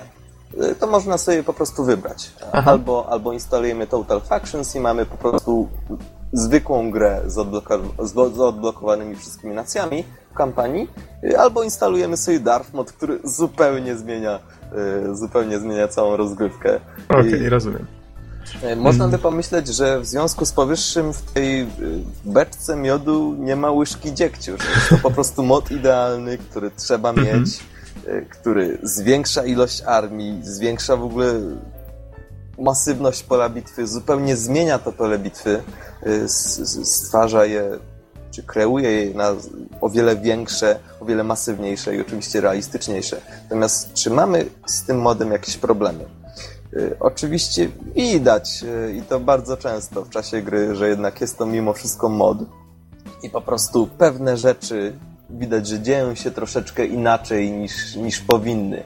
Czyli na przykład oddział, który gdzieś poruszymy, y, ci ludzie poszczególni formują się troszeczkę inaczej, chociaż nie zmienia to w żaden sposób ani nie utrudnia gameplayu, to mimo wszystko widać, że jest to mod i, i pewne zmiany takie w stylu a o tym nie pomyśleli, dokładnie są widoczne. Yy, także zdarzają się wpadki dźwiękowe, czyli na przykład yy, nowe dźwięki muszkietów w pewnym momencie średnio działają. Yy, natomiast tego typu błędziki zazwyczaj po prostu same przechodzą po kilku chwilach i zdarzają się dosyć rzadko. Natomiast jednymi z naj, największych wad wymieniłem dwie, dwie bardzo istotne. Zacznę od, od takiej mniej istotnej. Otóż przed chwilą w Total Factions pochwaliłem to, że mamy wszystkie nowe głosy do jednostek i one są taką wisienką na czubeczku dokładnie, czyli mamy polskie oddziały, Polacy mówią po polsku i mówią doskonale, bo, bo dubbing Vampire który jest bardzo wyraźnie kontynuowany, jest świetny. Y, tutaj w Dark Modzie wszystkie głosy jednostek, y, a przynajmniej większość jest po prostu pomieszana i to dotkliwie. To znaczy w pewnym momencie zaczynając, y, zaznaczając swoją piechotę liniową słyszymy tekst w stylu Gwardia Rewolucyjna. No dobra, no gwardią to oni są, a nie, a nie, a nie e, rewolucyjną. E, to samo, e, kiedy zaznaczamy huzarów albo lansierów, no niestety już nie usłyszymy głosów, które zostały specjalnie nagrane, nagrane do tych jednostek, tylko słyszymy albo ciężka jazda, albo po prostu jazda. Y, jeden z takich boleśniejszych, y, boleśniejszych zmian, no to kiedy klikamy na jeden z oddziałów artylerii, no to słyszymy grenadierzy gotują się do walki, no, że to nie są grenadierzy niestety, proszę Państwa. Także tego typu rzeczy występują i początkowo strasznie mnie to drażniło, szczerze no, wielką wagę przykuwałem, yy, przy, przykuwałem właśnie do, do tych głosów, które były taką takim zwieńczeniem idealnego posiłku, idealnego klimatu. E, natomiast tutaj jest całość pomieszana, troszeczkę to drażni, aczkolwiek no, można się przyzwyczaić, zwłaszcza, że do, do niektórych jednostek jednak, e, jednak głosy są poprawne.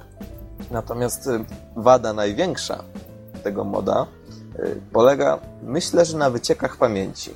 Otóż na moim, na moim nie najnowszym komputerze, który ma już jakieś około 2-3 lata, no w niektórych podcastach się pojawia to zagadnienie, więc myślę, że już kojarzycie. Y, pojawia się dosyć nieprzyjemna sytuacja. Otóż ja wiem, że podczas jednej sesji gry mogę sobie pozwolić, y, pozwolić na jedną 30-40 minutową bitwę i ewentualnie na dwie, trzy mniejsze. Y, natomiast po tym czasie, kiedy spróbuję znowu jakiejś potężnej, wielkiej bitwy, gra się po prostu zawiesi w czasie tej bitwy. I to w najmniej spodziewanym momencie. Oczywiście da się to da się tego błędu uniknąć, można przed bitwą zapisać, zrestartować komputer i znowu uruchomić tą bitwę, ale jak wiemy jest to rozwiązanie bardzo bolesne dla gracza. E, myślę, że to jest kwestia wycieku pamięci, e, dlatego że na forum czytałem o różnych tego typu awariach i po prostu jedna z osób napisała, że ej, słuchajcie, mi co dziesiątą bitwę gra się w czasie bitwy zawiesza. Czyli innymi słowy, ktoś miał na tyle mocny komputer, że wycieki pamięci, zanim e, skraszowały aplikacje, e, były w stanie wytrzymać właśnie tych 10 bitew. W moim przypadku to, e, są to 3-4 bitwy. Także, mhm. także no niestety w tym momencie byłem bardzo, bardzo tym rozczarowany. E, i musiałem, i musiałem po prostu e, po prostu zapisywać sobie bitwę i, i jeśli jakaś większa bitwa się zdarzyła drugi raz w czasie tej sesji, no to niestety restart komputera. E, Don, Natomiast... nim przejdziemy jeszcze do podsumowania, mam jedno pytanie. Mm, czy wpływają te mody, no domyślam się, że ten przede wszystkim na multiplayer?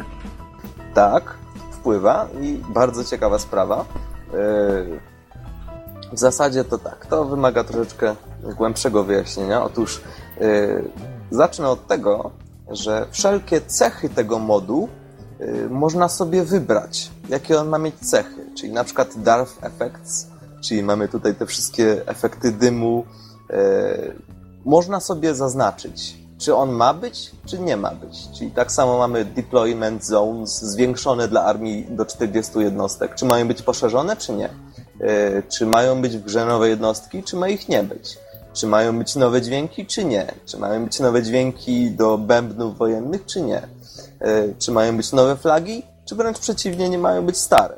E, jest to bardzo fajna opcja, czyli innymi słowy możemy sobie dostosować jakie fragmenty, jakie elementy tego moda chcemy widzieć, a jakie nie. I wtedy launcher, który, w którym to dokładnie wszystko jest, mamy e, w checkboxach, możemy sobie to zaznaczyć. On te wszystkie pliki e, nimi zarządza, kopiuje je e, i tak dalej, i tak dalej, więc wszystko to odbywa się w sposób bezbolesny. Natomiast sam mod w tej jednej z nowszych wersji 2.6 powstała wersja także do multiplayera, czyli innymi słowy, jeśli ktoś ma taką samą wersję gry, może zagrać z nami w trybie dla, e, dla wielu graczy. Jest to bardzo, bardzo fajne rozwiązanie moim zdaniem, choć niestety zauważyłem, że e, jednak mimo wszystko ciężko się jest dopchać do kogoś, kto w trybie dla wielu graczy tą modyfikację posiada. Mhm. Czyli podsumowując, bo wymieniłeś wady, więc, więc domyślam się, że już możemy przejść do podsumowania. Komu polecasz te mody? Domyślam się, że na pewno wszystkim, którzy posiadają Napoleona oryginalnego. Oczywiście. E, to znaczy tak. Myślę, że to już, e, to już wyszło w kontekście. E, mhm. Napoleon Total Factions polecam dla tych, którzy cenią sobie wersję podstawową gry i po prostu chcą wypróbować wszystkie inne nacje i nie chcą się babrać w ściąganiu set mega i, i, i, jakimś tam kopiowaniu plików, chociaż to i tak w przypadku Dark Moda nie, nie występuje. No ale powiedzmy, że jeśli ktoś chce po najmniejszym oporze e, pograć sobie na przykład polską, co, co myślę, że w przypadku naszego narodu jest wymagane, czy cechą najbardziej pożądaną, no to oczywiście jest, jest ten e, drobny kilkumegowy mod, no i wszystkim.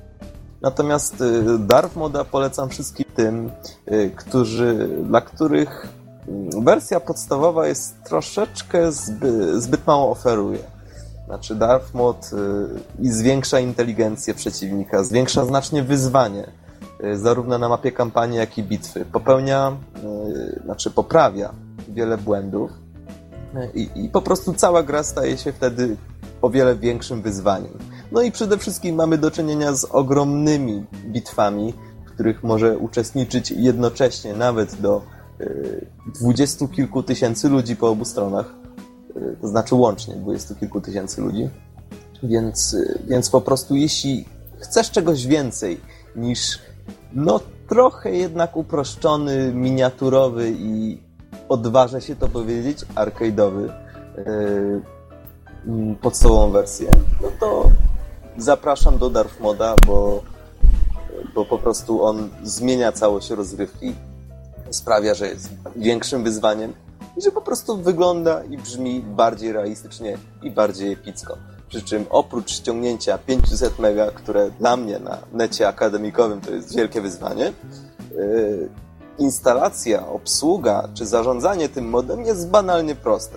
Innymi słowy, jeśli macie mocny komputer, a yy, w wymaganiach jest jednak mimo wszystko napisane, że żeby te 40 na 40 jednostek działało dobrze e, i żeby całe mod działało dobrze, należy mieć komputer, który, który po prostu jest w stanie uciągnąć Napoleona na najwyższych wymaganiach lekko.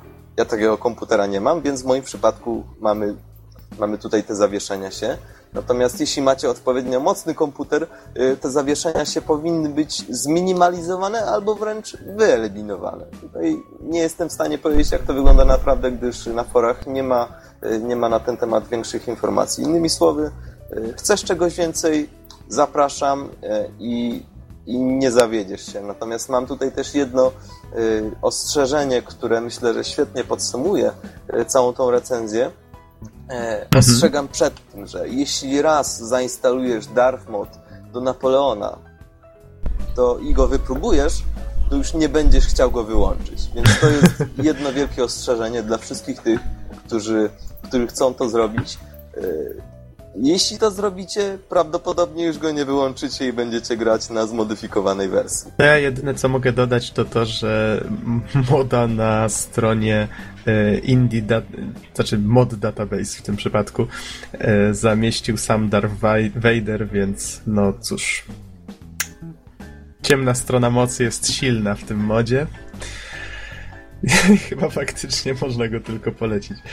No, to... E, Mogę od siebie dodać tylko Aha. tyle, że dla wszystkich tych, którzy po mojej recenzji jeszcze się wahają, e, proponuję obejrzeć trailer, który paradoksalnie wcale nie jest trailerem, gdyż twórcy stwierdzili, że no, w sumie trailery są fajne, ale niczego nie pokazują, więc w sumie lepiej pokazać, jak to wygląda naprawdę.